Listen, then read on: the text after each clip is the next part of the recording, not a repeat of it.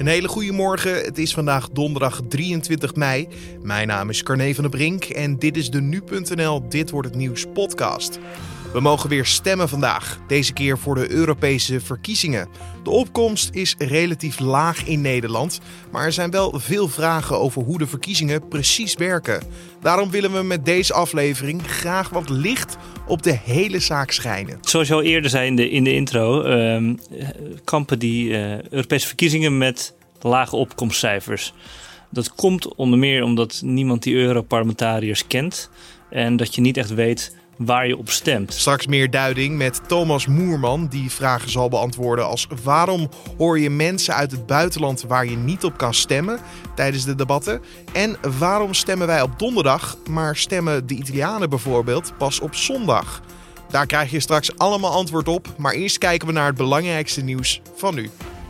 Het aantal personen dat zijn of haar wens omtrent orgaandonatie heeft vastgesteld in het donorregister is opnieuw toegenomen. In januari 2019 stonden 57.000 mensen meer ingeschreven in vergelijking met het jaar ervoor. Zo meldt het Centraal Bureau voor de Statistiek vandaag. In totaal staan nu 6,4 miljoen mensen in het donorregister. Hiervan geeft 31% expliciet geen toestemming voor donatie. En volgend jaar juli gaat de nieuwe donorwet in. Vanaf dat moment is iedereen vanaf 18 jaar ingeschreven in het donorregister met de vermelding geen bezwaar tegen orgaandonatie, tenzij de persoon zelf een andere keuze heeft vastgelegd. De hekrunderen in de Oostvaardersplassen zijn weer voldoende op gewicht. Staatsbosbeheer gaat daarom het bijvoeren langzaam afbouwen, zo meldt de provincie Flevoland woensdag. De conditie van de hekrunderen wordt bepaald aan de hand van de zogeheten Body Condition Score. Met Staatsbosbeheer is afgesproken om bij te voeren als ze een gemiddelde score hebben van 2,0 of lager. Bij de laatste inspectieronde met de dierenarts kwam de gemiddelde score uit op 2,5 en halverwege april was dat nog 1,7. Tot vorig jaar voerde het Staatsbosbeheer het wild in het natuurgebied nooit bij, omdat de dieren zichzelf moesten kunnen redden. Nadat er veel ophef was ontstaan over een groot aantal dode en stervende dieren, is het beleid bijgesteld. Het hoofd van de Amerikaanse luchtvaartautoriteit heeft gezegd dat er nog geen tijdstip is bepaald waarop de Boeing 737 MAX weer mag gaan vliegen. Toestellen van die type staan wereldwijd sinds half maart aan de grond. De Amerikaanse luchtvaartautoriteit-directeur Dan Elwell zei woensdag dat zijn organisatie nog altijd niet de officiële software-update heeft ontvangen. Hij voert deze week wel overleg met luchtvaartautoriteiten uit 30 landen, inclusief China, de EU en Canada. En Boeing heeft sinds vorige week naar eigen zeggen de software-update voor de 737 MAX gereed. De software-update moet uiteindelijk worden goedgekeurd door de Amerikaanse luchtvaartautoriteit voordat de toestellen weer de lucht in mogen. Want bij twee ongelukken van de Boeing 737 MAX in Indonesië en Ethiopië kwamen in totaal 346 mensen om het leven. Beide ongevallen kwamen door een softwarefout die de punt van het vliegtuig naar beneden bleef drukken. De personeelstekorten in de gezondheidszorg worden in snel tempo kleiner. Veel zij-instromers en herintreders kiezen alsnog voor een baan als zorgverlener. Zo meldt vandaag het AD op basis van de nieuwe cijfers over de arbeidsmarkt. Toch blijven er bij het kabinet volgens de krant ook kopzorgen over het oplopende ziekteverzuim en de stijgende vertrekcijfers van medewerkers. Het verwachte personeelstekort voor de gezondheidszorg in 2022 is nu 80.000 medewerkers. Als de huidige stijging van het aantal zij-instromers en herintreders, de groei van het aantal nieuwe zorgverleners in opleiding en het extra aantal stageplaatsen doorzet, dan loopt het tekort mogelijk zelfs terug naar 55.000 man.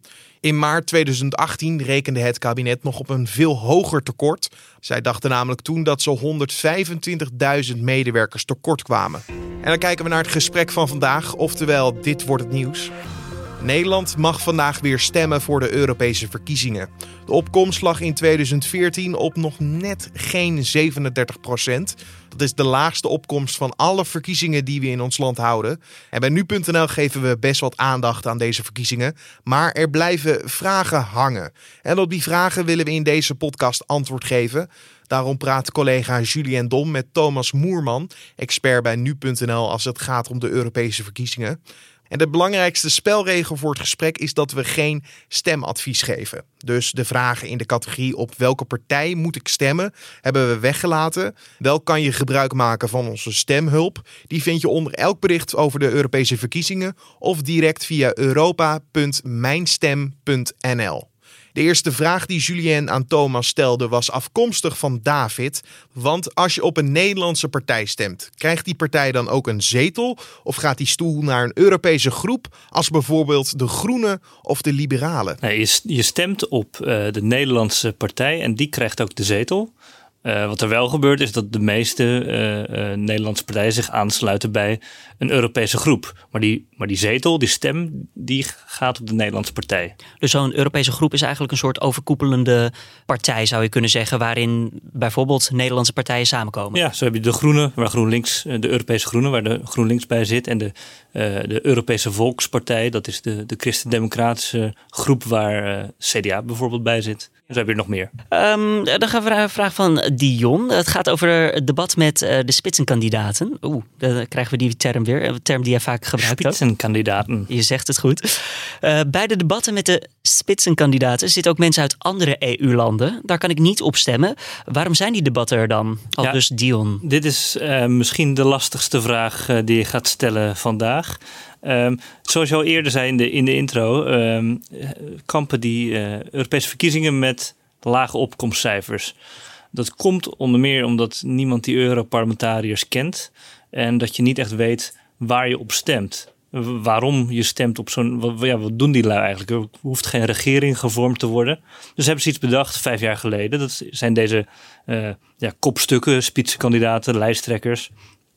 Mm. En het idee is dat uh, de, een van deze mensen, elke Europese groep schuift iemand naar voren. En het idee was vijf jaar geleden, de grootste, dat wordt dan de, de voorzitter van de Europese Commissie. Uh, nou, nou is dat een beetje, ja, gaan ze dat nu een beetje anders aanpakken? Ik, ik uh, laat even achterwege waarom. Maar het idee is dus dat alle Europese groepen, dus waar die Nederlandse en andere landen bij aan zijn gesloten, dat die allemaal één uh, persoon naar voren uh, schuiven. En die gaan alle debatten op Europees niveau doen, nu in de campagnetijd. En het Europees Parlement wil graag dat een van die mensen ook de, ja, de nieuwe Jean-Claude Juncker uh, wordt. Dus eigenlijk die, die spitsenkandidaten die vertellen waar hun koepelpartij voor staat. Ja, zo ongeveer. En door dan te zeggen uh, dat een van die mensen ook de nieuwe voorzitter van de Europese Commissie uh, wordt, wordt het opeens concreter waarom je stemt. En dat, dat is, was vroeger voor veel mensen onduidelijk. Uh, nou is het een beetje de vraag of, dit wel, of deze mensen wel inderdaad de voorzitter van de Europese Commissie worden. Dat valt nog te bezien.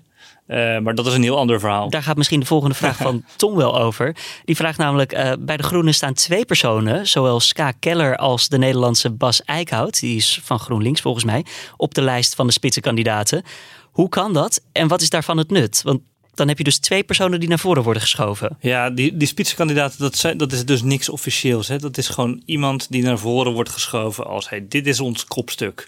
En de Groenen, dat is een progressieve partij, uh, die willen graag dat uh, uh, een gendergelijke top. Dus die schuiven een mannetje en een vrouwtje naar voren. Maar er zouden ook bijvoorbeeld vijf mensen naar voren geschoven kunnen worden. Sterker nog, dat hebben de uh, liberalen gedaan. Oh. Die hebben, die hebben een, een, hele club aan mensen naar voren geschoven. Waaronder uh, Guy Verhofstadt, uh, die ken je misschien wel, een Vlaamse politicus, oud-premier.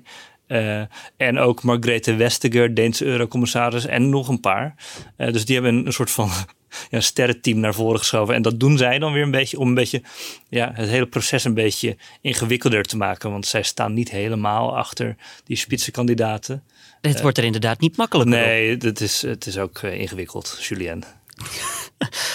nou goed, daarom ben jij aangeschoven, Thomas. Uh, wat licht in de tunnel, zo te, so to speak.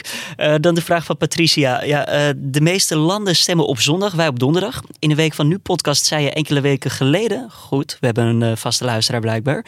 niet te weten waarom dat zo is. Heb je inmiddels wel een antwoord? Ja, ik heb, het, ik heb even rondgevraagd... Want ik wist het inderdaad niet. Het lijkt mij gewoon veel handiger als iedereen gewoon op zondag stemt of op een andere dag. Lijkt me ook eerlijker. Want wij krijgen bijvoorbeeld eh, in Nederland vanavond wel een uh, ja, soort opiniepeiling, hoe zeg je dat? Een exit poll. Een exit poll, dank je.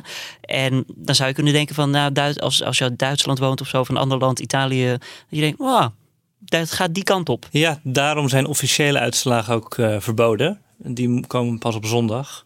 Uh, maar ja, je kan niemand verbieden om rond te gaan vragen van hey, wat heb jij gestemd en zo. Dus, dus een exit poll uh, te organiseren. Ja. Uh, maar goed, wat was je vraag ook alweer? Nou, um, waarom stemmen we niet allemaal dus op één dag? Waarom is dat verspreid? Oh ja, nou in Nederland stemmen wij doorgaans altijd op woensdag.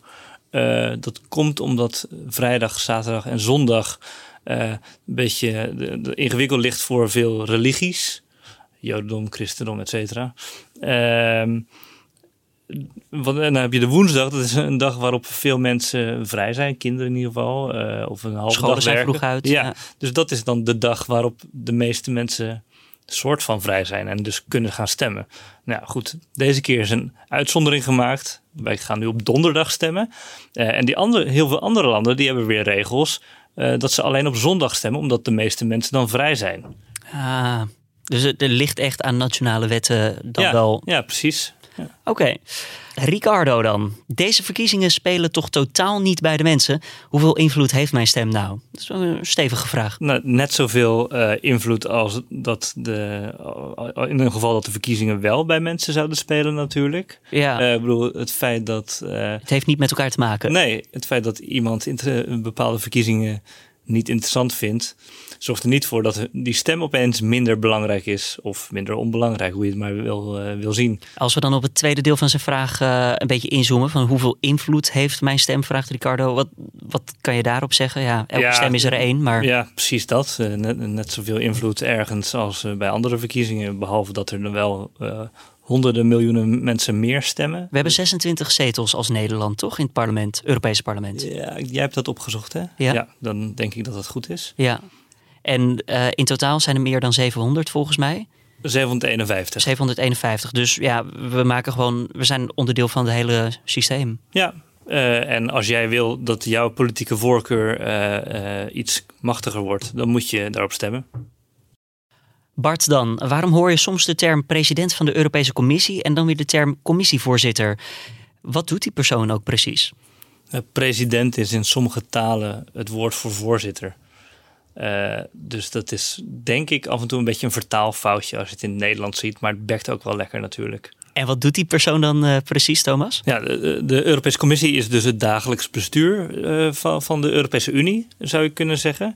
En Jean-Claude Juncker nu, of ja, de, de voorzitter van de Europese Commissie, die, ja, die, die leidt dat. Dus hij is de eindverantwoordelijke voor het hele gebeuren. Een beetje als de CEO van een bedrijf of eh, de minister-president, ja. Dan hebben we een vraag van Sebia. Ehm, een beetje te vergelijken met wat er af en toe in Nederland gebeurt. Ehm, soms hebben hier mensen in de Tweede Kamer die dan uit hun partij stappen. En dan nemen zij hun zetel mee en dan starten ze eigenlijk een eenmansfractie.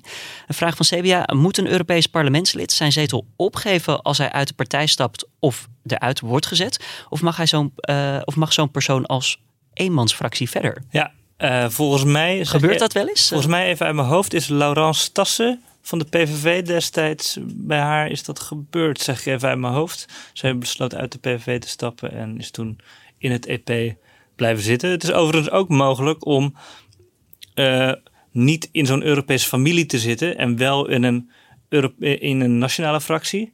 Maar dan moet je dat wel met de hele fractie besluiten. En het is ook weer andersom mogelijk. Dus je kan als onafhankelijk lid ook onderdeel zijn van zo'n Europese groep.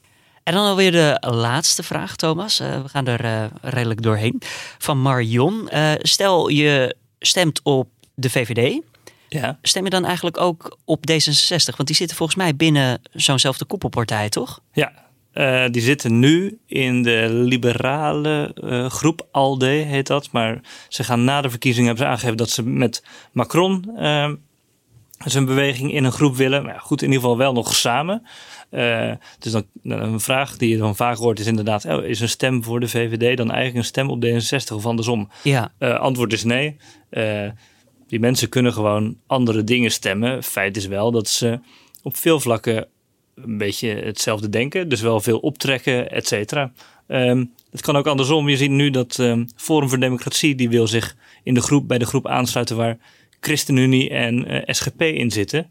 Mm, ja, dan, maar ChristenUnie en SGP die vinden dat dan weer eh, niet echt leuk. Dus- Maar goed, je mag blijkbaar gewoon stemmen wat je wil. Ook al hoor je bij diezelfde groep, toch? Ja, maar het gaat ook om een stukje beeldvorming natuurlijk. Ja, mag, wie gaat er dan over, over zo'n lidmaatschap? Of je er onderdeel van uit mag Nou, de rest, maar SGP en ChristenUnie zijn maar een heel klein groepje. Twee mensen namelijk. En eh, eh, ja, de rest heeft waarschijnlijk voor, gaat, zal waarschijnlijk voorstemmen. ChristenUnie heeft al gezegd dat zij wel eh, op zoek naar een andere groep willen dan. Dus dat is ook nog wel een, Zij zouden er dan uitgaan. een klein drama, familiedramaatje. Europees familiedramaatje. Je hoorde Thomas Moerman, onze kenner op het gebied van de Europese verkiezingen en tevens coördinator van onze economieredactie. Meer over de verkiezingen uiteraard vandaag op de website en in de app. Vanavond wordt zoals gezegd de eerste exit poll verwacht. Dat behandelen we dan ook uitgebreid op nu.nl. En de laatste scholieren sluiten vandaag hun eindexamens in het voortgezet onderwijs af. Op de planning staat vandaag nog voor de HAVO- en VWO-leerlingen de vakken Arabisch, Russisch, Spaans, Turks en Fries op het programma. Ruim 217.000 middelbare scholieren hebben de afgelopen twee weken examens gedaan. En op 12 juni horen leerlingen of ze geslaagd zijn. Scholieren die het niet hebben gehaald of examens hebben gemist, kunnen van 17 juni tot en met 20 juni in de herkansing. Het proces tegen Richard R., ook wel bekend als Rico de Chileen, gaat vandaag verder met de vierde inleidende zitting. De man wordt een grote rol toegedicht in de onderwereld en zou volgens het Openbaar Ministerie banden hebben met Redouan Taghi. Het OM wil R vervolgen voor zijn vermeende rol bij meerdere liquidaties.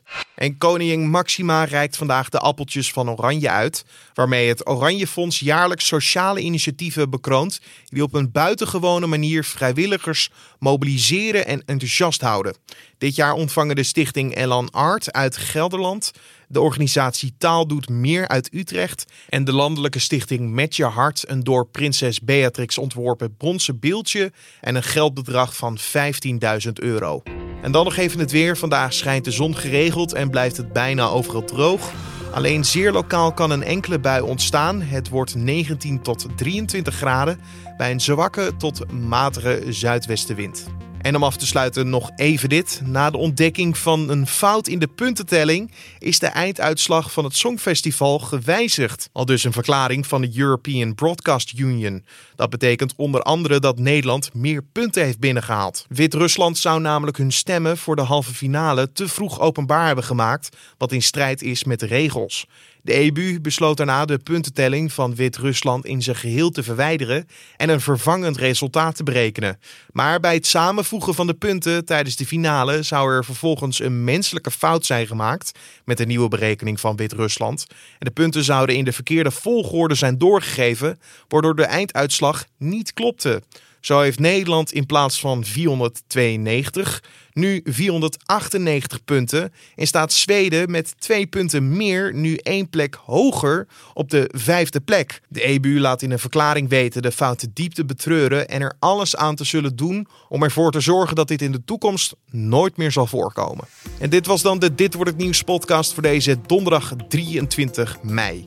Je vindt de podcast natuurlijk elke maandag tot en met vrijdag om 6 uur ochtends op de voorpagina van nu.nl en in je favoriete podcast-app. Je kan ons laten weten wat je van deze podcast vindt in een mailtje naar podcast.nu.nl of een recensie in iTunes. Mijn naam is Carne van der Brink. Voor nu een hele fijne donderdag en tot morgen.